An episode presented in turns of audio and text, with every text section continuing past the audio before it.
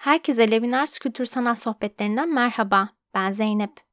Uzun bir aradan sonra tekrar birlikteyiz ve bugün bomba gibi bir konumuz var. Yunan mitolojisinde ensest.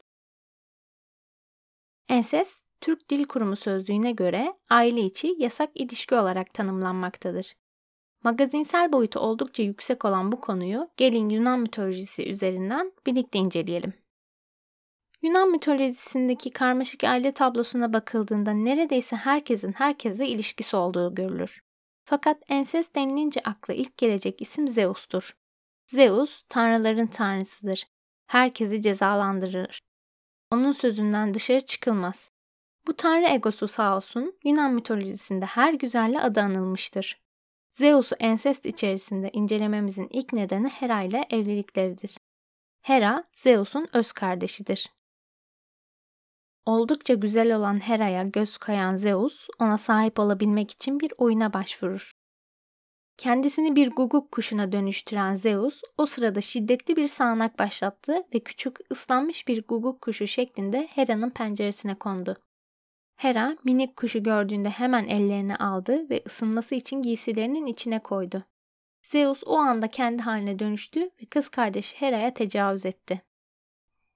İki kardeşin evliliklerinden Ares, Ilitia, Angelos, Hephaistos ve Hebe doğmuştur. Kendi kardeşine sahip olmaya çalışan ve bunu başaran Zeus, diğer kardeşi Demeter'le de birlikte olmuştur ve bu birlikteliklerinden kızları Persephone doğmuştur.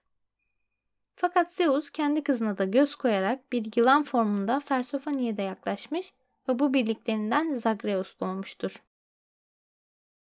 Zavallı Persephone'nin çilesi tabii ki Zeus'la da bitmemiş. Hades, yeğeni Persephone'yi kaçırıp evlenmiştir. Bakir olmasıyla övünen ve bunu her yerde anlatan Demeter'e Hera tarafından büyük bir oyun oynanmış. Hera, Poseidon'un aklına girerek Demeter'e tecavüz etmesini sağlamıştır. Ne kardeşlik ama. Yunan mitolojisinin tamamına bakıldığında bu örneklerin ne kadar çok olduğunu görüyoruz. Özellikle Demeter, Hera ve Persephone'nin hayatında baba, kardeş, dayı gibi yakın akraba figürleri tarafından ilişkiye zorlandıkları görülmüştür. Zeus'un tanrıların tanrısı, her yere iyilik, güzellik, güç götüren zihinlerimizdeki o modeli anlayacağınız gibi bir iyilik timsali değildi. İnsanlar ve tanrılar üzerindeki etkisini cinselliği ile sağlıyordu. Zeus'un oyunları arasında kılık değiştirme, baştan çıkartma, büyüler ve tecavüz yer alıyordu. Aslında Yunan halkı da bu durumun farkındaydı. Fakat tanrıların da hata yapabileceklerini söylüyorlardı. Mitler ilkel insanın evreni anlamlandırma biçimi olarak görülür. Antik Yunan'da yaşanan taciz, tecavüz gibi durumlar tanrılar arasında da vardı. Tanrılar kötülük yapıyor, hileye başvuruyor, kandırıyordu. Her mitolojide olduğu gibi Yunan mitolojisi de Yunan insanlarının yansımasıydı.